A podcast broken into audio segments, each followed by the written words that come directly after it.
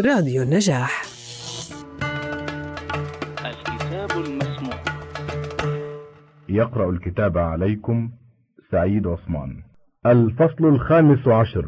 في أن نهاية الحسب في العقب الواحد أربعة آباء. اعلم أن العالم العنصري بما فيه كائن فاسد لا من ذواته ولا من أحواله فالمكونات من المعدن والنبات وجميع الحيوانات والإنسان وغيره كائنة فاسدة بالمعاينة وكذلك ما يعرض لها من الأحوال وخصوصا الإنسانية. فالعلوم تنشأ ثم تدرس وكذا الصنائع وأمثالها. والحسب من العوارض التي تعرض للآدميين فهو كائن فاسد لا محالة وليس يوجد لأحد من أهل الخليقة شرف متصل في آبائه من لدن آدم إليه إلا ما كان من ذلك للنبي صلى الله عليه وسلم كرامة به وحياطة على السر فيه وأول كل شرف خارجية كما قيل وهي الخروج عن الرياسة والشرف إلى الضاعة والابتذال وعدم الحسب ومعناه أن كل شرف وحسب فعدمه سابق عليه شأن كل محدث.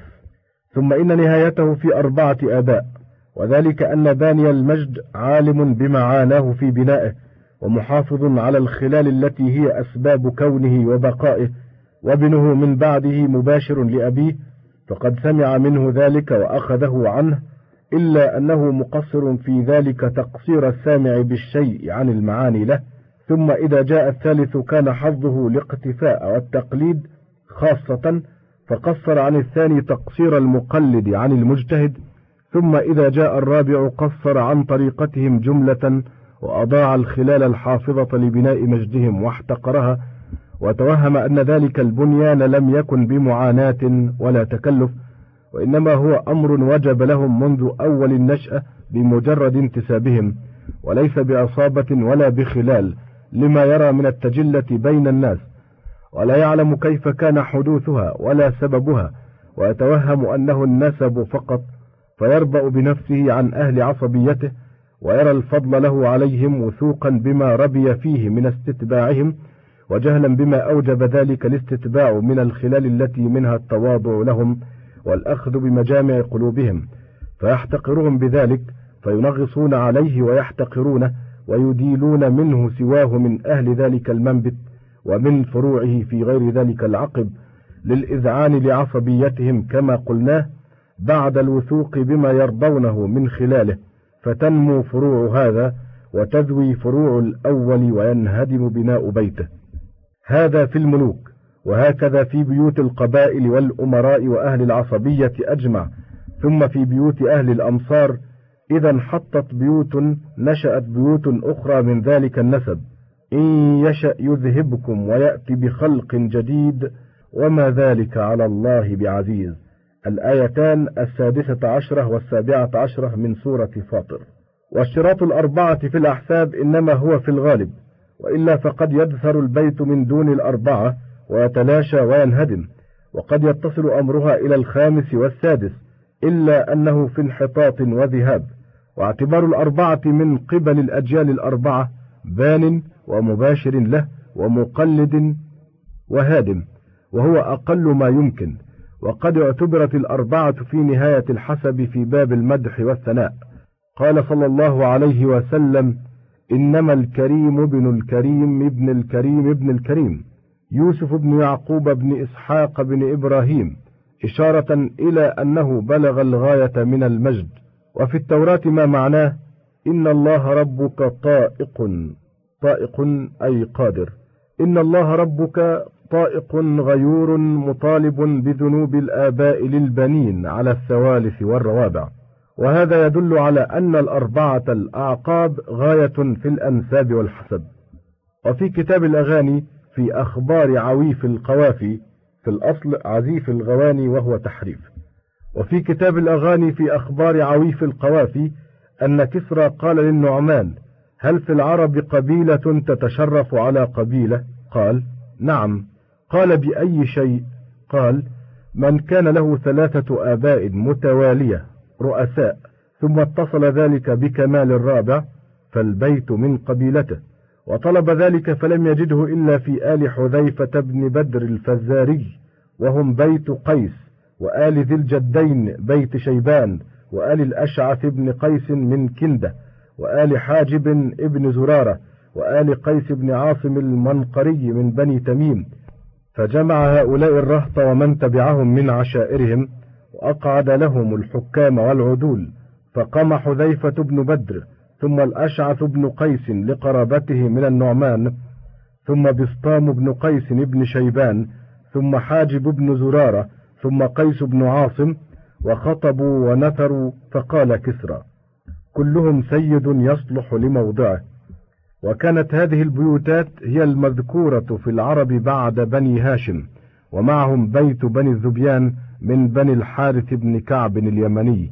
وهذا كله يدل على أن الأربعة الآباء نهاية في الحسب والله أعلم.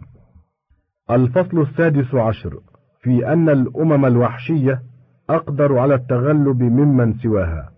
اعلم أنه لما كانت البداوة سببا في الشجاعة كما قلناه في المقدمة الثالثة لا جرم كان هذا الجيل الوحشي أشد شجاعة من الجيل الآخر فهم أقدر على التغلب وانتزاع ما في أيدي سواهم من الأمم بل الجيل الواحد تختلف أحواله في ذلك باختلاف الأعصار فكلما نزلوا الأرياف وتفنقوا تفنقوا أي تقلبوا فيه بعد البؤس. فكلما نزلوا الأرياف وتفنقوا النعيم وألفوا عوائد الخصب في المعاش والنعيم نقص من شجاعتهم بمقدار ما نقص من توحشهم وبداوتهم واعتبر ذلك في الحيوانات العجم بدواجن الظباء والبقر الوحشية والحمر. إذا زال توحشها بمخالطة الآدميين وأخصب عيشها كيف يختلف حالها في الانتهاض والشدة حتى في مشيتها وحسن أديمها؟ وكذلك الآدمي المتوحش إذا أنس وألف وسببه أن تكون السجايا والطبائع إنما هو عن المألوفات والعوائد إذا كان الغلب للأمم إنما يكون بالإقدام والبسالة فمن كان من هذه الأجيال أعرق في البداوة وأكثر توحشا كان أقرب إلى التغلب على سواه إذا تقاربا في العدد وتكافأ في القوة والعصبية. وانظر في ذلك شأن مضر مع من قبلهم من حمير وكهلان السابقين إلى الملك والنعيم ومع ربيعة المتوطنين أرياف العراق ونعيمه. لما بقي مضر في بداوتهم وتقدمهم الآخرون إلى خصب العيش وغضارة النعيم كيف أرهفت البداوة حدهم في التغلب فغلبوهم على ما في أيديهم وانتزعوه منهم. وهذا حال بني طيء وبني عامر بن صعصعة وبني سليم ابن منصور ومن بعدهم لما تأخروا في باديتهم عن سائر قبائل مضر واليمن ولم يتلبسوا بشيء من دنياهم كيف أمسكت حال البداوة عليهم قوة عصبيتهم ولم تخلفها مذاهب الترف حتى صاروا أغلب على الأمر منهم. وكذا كل حي من العرب يلي نعيما وعيشا خصبا دون الحي الآخر. فإن الحي المتبدي يكون أغلب له وأقدر عليه إذا تكافأ في القوة والعدد سنة الله في خلقه. الفصل السابع عشر في أن الغاية التي تجري إليها العصبية هي الملك. وذلك لأن قدمنا أن العصبية بها تكون الحماية والمدافعة والمطالبة وكل أمر يجتمع عليه. وقدمنا أن الآدميين بالطبيعة الإنسانية يحتاجون في كل اجتماع إلى وازع وحاكم يزع بعضهم عن بعض. فلا بد أن يكون متغلبا عليهم بتلك العصبية وإلا لم تتم قدرته على ذلك. وهذا التغلب هو الملك وهو أمر زائد على الرياسة لأن الرياسة إنما هي سؤدد. وصاحبها متبوع وليس له عليهم قهر في أحكامه وأما الملك فهو التغلب والحكم بالقهر. وصاحب العصبية إذا بلغ إلى رتبة طلب ما فوقها. فإذا بلغ رتبة السؤدد والاتباع ووجد السبيل إلى التغلب والقهر لا يتركه لأنه مطلوب للنفس ولا يتم اقتدارها عليه إلا بالعصبية التي يكون بها متبوعا. فالتغلب الملكي غاية للعصبية كما رأيت. ثم إن القبيل الواحد وإن كانت فيه بيوتات متفرقة وعصبيات متعددة فلا بد من عصبية تكون أقوى من جميعها تغلبها وتستتبعها وتلتحم جميع العصبيات فيها وتصير كأنها عصبية واحدة كبرى. وإلا وقع الافتراق المفضي إلى الاختلاف والتنازع. ولولا دفع الله الناس بعضهم ببعض لفسدت الأرض. الآية رقم 251 من سورة البقرة. ثم إذا حصل التغلب بتلك العصبية على قومها طلبت بطبعها التغلب على أهل عصبية أخرى بعيدة عنها فإن كافأتها أو مانعتها كانوا أقتالا وأنظارا. ولكل واحدة منهما التغلب على حوزتها وقومها شأن القبائل والأمم المفترقة في العالم. وإن غلبتها واستتبعتها التحمت بها أيضا وزادت قوة في التغلب إلى قوتها وطلبت غاية من التغلب والتحكم أعلى من الغاية الأولى وأبعد. وهكذا دائما حتى تكافئ بقوتها قوة الدولة في هرمها. فإن أدركت الدولة في هرمها ولم يكن لها ممانع من أولياء الدولة أهل العصبيات استولت عليها وانتزعت الأمر من يدها وصار الملك أجمع لها. وإن انتهت قوتها ولم يقارن ذلك هرم الدولة وإنما قارن حاجتها إلى الاستظهار بأهل العصبيات. انتظمتها الدولة في أوليائها تستظهر بها على ما يعن من مقاصدها وذلك ملك آخر دون الملك المستبد. وهو كما وقع للترك في دولة بني العباس ولصنهاجة وزناتة مع كتامة ولبني حمدان مع ملوك الشيعة من العلوية والعباسية.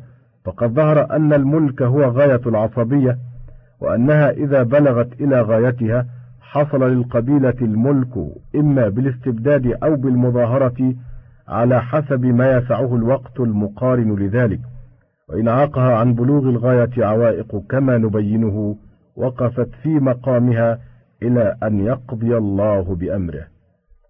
الفصل الثامن عشر في أن من عوائق الملك حصول الترف وانغماس القبيل في النعيم. وسبب ذلك أن القبيلة إذا غلبت بعصبيتها بعض الغلب استولت على النعمة بمقداره وشاركت أهل النعم والخصب في نعمتهم خصبهم وضربت معهم في ذلك بسهم وحصة بمقدار غلبها واستظهار الدولة بها فإن كانت الدولة من القوة بحيث لا يطمع أحد في انتزاع أمرها ولا مشاركتها فيه أذعن ذلك القبيل لولايتها والقنوع بما يسوغون من نعمتها ويشركون فيه من جبايتها. ولم تسمو آمالهم إلى شيء من منازع الملك ولا أسبابه إنما همتهم النعيم والكسب وخصب العيش والسكون في ظل الدولة إلى الدعة والراحة والأخذ بمذاهب الملك في المباني والملابس والاستكثار من ذلك والتأنق فيه بمقدار ما حصل من الرياش والترف وما يدعو إليه من توابع ذلك. فتذهب خشونة البداوة وتضعف العصبية والبسالة ويتنعمون فيما آتاهم الله من البسطة. وتنشأ بنوهم وأعقابهم في مثل ذلك من الترفع عن خدمة أنفسهم وولاية حاجاتهم ويستنكفون عن سائر الأمور الضرورية في العصبية حتى يصير ذلك خلقا لهم وسجية فتنقص عصبيتهم وبسالتهم في الأجيال بعدهم بتعاقبهم إلى أن تنقرض العصبية فيأذنون بالانقراض. وعلى قدر ترفهم ونعمتهم يكون إشرافهم على الفناء فضلا عن الملك فإن عوارض الطرف والغرق في النعيم كاسر من ثورة العصبية التي بها التغلب وإذا انقرضت العصبية قصر القبيل عن المدافعة والحماية فضلا عن المطالبة والتهمتهم الأمم سواهم فقد تبين أن الطرف من عوائق الملك والله يؤتي ملكه من يشاء. الفصل التاسع عشر في أن من عوائق الملك حصول المذلة للقبيل والانقياد إلى سواهم. وسبب ذلك أن المذلة والانقياد كاسران لثورة العصبية وشدتها فإن انقيادهم ومذلتهم دليل على فقدانها فما رئموا للمذلة حتى عجزوا عن المدافعة فأولى أن يكون عاجزا عن المقاومة والمطالبة. واعتبر ذلك في بني إسرائيل لما دعاهم موسى عليه السلام إلى ملك الشام. وأخبرهم بأن الله قد كتب لهم ملكا كيف عجزوا عن ذلك وقالوا إن فيها قوما جبارين وإنا لن ندخلها حتى يخرجوا منها. الآية رقم 22 من سورة المائدة. أي يخرجهم الله تعالى منها بضرب من قدرته غير عصبيتنا وتكون من معجزاتك يا موسى. ولما عزم عليهم لجوا وارتكبوا العصيان وقالوا اذهب أنت وربك فقاتلا. الآية رقم 24 من سورة المائدة. وما ذلك إلا لما أنسوا من أنفسهم من العجز عن المقاومة والمطالبة كما تقتضيه الآية. وما يؤثر في تفسيرها وذلك بما حصل فيهم من خلق الانقياد. وما رأموا من الذل للقبط أحقابا حتى ذهبت العصبية منهم جملة مع أنهم لم يؤمنوا حق الإيمان بما أخبرهم به موسى من أن الشام لهم وأن العمالقة الذين كانوا بأريحة فريستهم بحكم من الله قدره لهم. فأقصروا عن ذلك وعجزوا تعويلا على ما في أنفسهم من العجز عن المطالبة لما حصل لهم من خلق المذلة وطعنوا فيما أخبرهم به نبيهم من ذلك وما أمرهم به فعاقبهم الله بالتيه وهو أنهم تاهوا في قفر من الأرض ما بين الشام ومصر أربعين سنة لم يأووا فيها لعمران ولا نزلوا مصرا ولا خالطوا بشرا كما قصه القرآن لغلظة العمالقة بالشام والقبط بمصر عليهم لعجزهم عن مقاومتهم كما زعموه. ويظهر من مساق الآية ومفهومها أن حكمة ذلك التيه مقصودة وهي فناء الجيل الذين خرجوا من قبضة الذل والقهر والقوة وتخلقوا به وأفسدوا من عصبيتهم حتى نشأ ذلك التيه جيل آخر عزيز لا يعرف الأحكام والقهر ولا يسام بالمذلة فنشأت بذلك عصبية أخرى اقتدروا بها على المطالبة والتغلب وأظهر لك من ذلك أن الأربعين سنة أقل ما يأتي فيها فناء جيل ونشأة جيل آخر سبحان الحكيم العليم. وفي هذا أوضح دليل على شأن العصبية وأنها هي التي تكون بها المدافعة والمقاومة والحماية والمطالبة. وأن من فقدها عجز عن جميع ذلك كله ويلحق بهذا الفصل فيما يوجب المذلة للقبيل شأن المغارم والضرائب فإن القبيل الغارمين ما أعطوا اليد من ذلك حتى رضوا بالمذلة فيه لأن في المغارم والضرائب ضيما ومذلة لا تحملها النفوس الأبية إلا إذا استهونته عن القتل والتلف وأن عصبيتهم حينئذ ضعيفة عن المدافعة والحماية. ومن كانت عصبيته لا تدفع عنه الضيم فكيف له بالمقاومة والمطالبة؟ وقد حصل له الانقياد للذل والمذلة عائقة كما قدمناه. ومنه قوله صلى الله عليه وسلم في شأن الحرث لما رأى سكة المحرات في بعض دور الأنصار ما دخلت هذه دار قوم إلا دخلهم الذل فهو دليل صريح على أن المغرم موجب للذلة. هذا إلى ما يصحب ذل المغارم من خلق المكر والخديعة بسبب ملكة القهر. فإذا رأيت القبيل بالمغارم في ربقة من الذل فلا تطمعن لها بملك آخر الدهر. ومن هنا تبين لك غلط من يزعم أن زناتة بالمغرب كانوا شاوية يؤدون المغارم لمن كان على عهدهم من الملوك وهو غلط فاحش كما رأيت إذ لو وقع ذلك لما استتب لهم ملك ولا تمت لهم دولة. وانظر فيما قاله شهر براز ملك الباب لعبد الرحمن بن ربيعة لما أطل عليه وسأل شهر براز أمانه على أن يكون له فقال أنا اليوم منكم يدي في أيديكم وصعري معكم أي اتجاهي سيكون معكم. فمرحبا بكم وبارك الله لنا ولكم وجزيتنا إليكم والنصر لكم.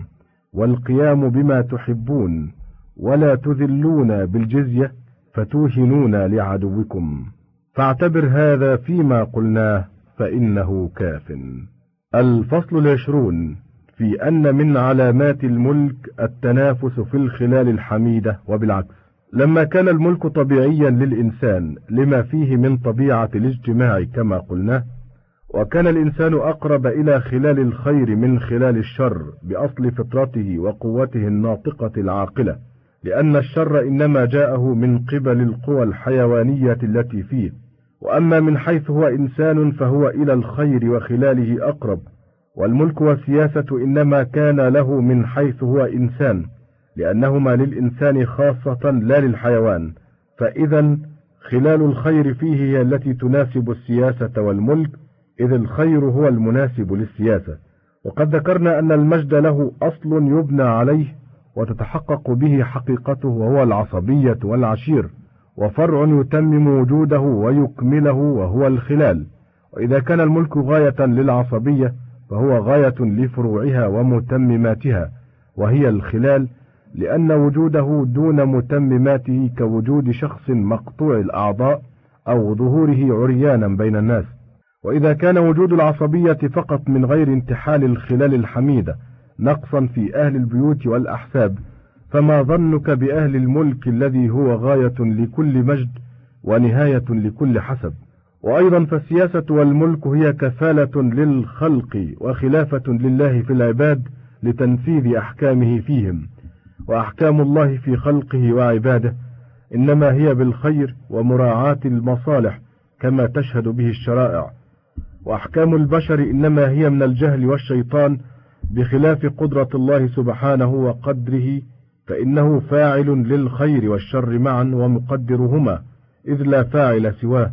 فمن حصلت له العصبية الكفيلة بالقدرة وأونست منه خلال الخير المناسبة لتنفيذ أحكام الله في خلقه فقد تهيأ للخلافة في العباد وكفالة الخلق ووجدت فيه الصلاحية لذلك. وهذا البرهان أوثق من الأول وأصح مبنى فقد تبين أن خلال الخير شاهدة بوجود الملك لمن وجدت له العصبية. فإذا نظرنا في أهل العصبية ومن حصل لهم من الغلب على كثير من النواحي والأمم فوجدناهم يتنافسون في الخير وخلاله من الكرم والعفو عن الزلات والاحتمال من غير القادر والقرى للضيوف وحمل الكل. الكل بفتح الكاف أي اليتيم ومن لا يقدر على القيام بشؤون نفسه وحمل الكل وكسب المعدم والصبر على المكاره والوفاء بالعهد وبذل الأموال في صون الأعراض وتعظيم الشريعة وإجلال العلماء الحاملين لها والوقوف عندما يحددونه لهم من فعل أو ترك وحسن الظن بهم واعتقاد أهل الدين والتبرك بهم ورغبة الدعاء منهم والحياء من الأكابر والمشايخ وتوقيرهم وإجلالهم والانقياد إلى الحق مع الداعي إليه وإنصاف المستضعفين من أنفسهم والتبذل في أحوالهم والانقياد للحق والتواضع للمسكين واستماع شكوى المستغيثين والتدين بالشرائع والعبادات والقيام عليها وعلى أسبابها والتجافي عن الغدر والمكر والخديعة ونقض العهد وأمثال ذلك علمنا أن هذه خلق السياسة قد حصلت لديهم واستحقوا بها أن يكونوا ساسة لمن تحت أيديهم أو على العموم وأنه خير ساقه الله تعالى إليهم مناسب لعصبيتهم وغلبهم وليس ذلك سدى فيهم ولا وجد عبثا منهم والملك أنسب المراتب والخيرات لعصبيتهم. فعلمنا بذلك أن الله تأذن لهم بالملك وساقه إليهم. وبالعكس من ذلك إذا تأذن الله بانقراض الملك من أمة حملهم على ارتكاب المذمومات وانتحال الرذائل وسلوك طرقها فتفقد الفضائل السياسية منهم جملة ولا تزال في انتقاص إلى أن يخرج الملك من أيديهم ويتبدل به سواهم ليكون نعيا عليهم في سلب ما كان الله قد آتاهم من الملك وجعل في أيديهم من الخير. وإذا أردنا أن نهلك قرية أمرنا متر فيها ففسقوا فيها فحق عليها القول فدمرناها تدميرا. سورة الإسراء الآية رقم 16 واستقرئ ذلك وتتبعه في الأمم السابقة.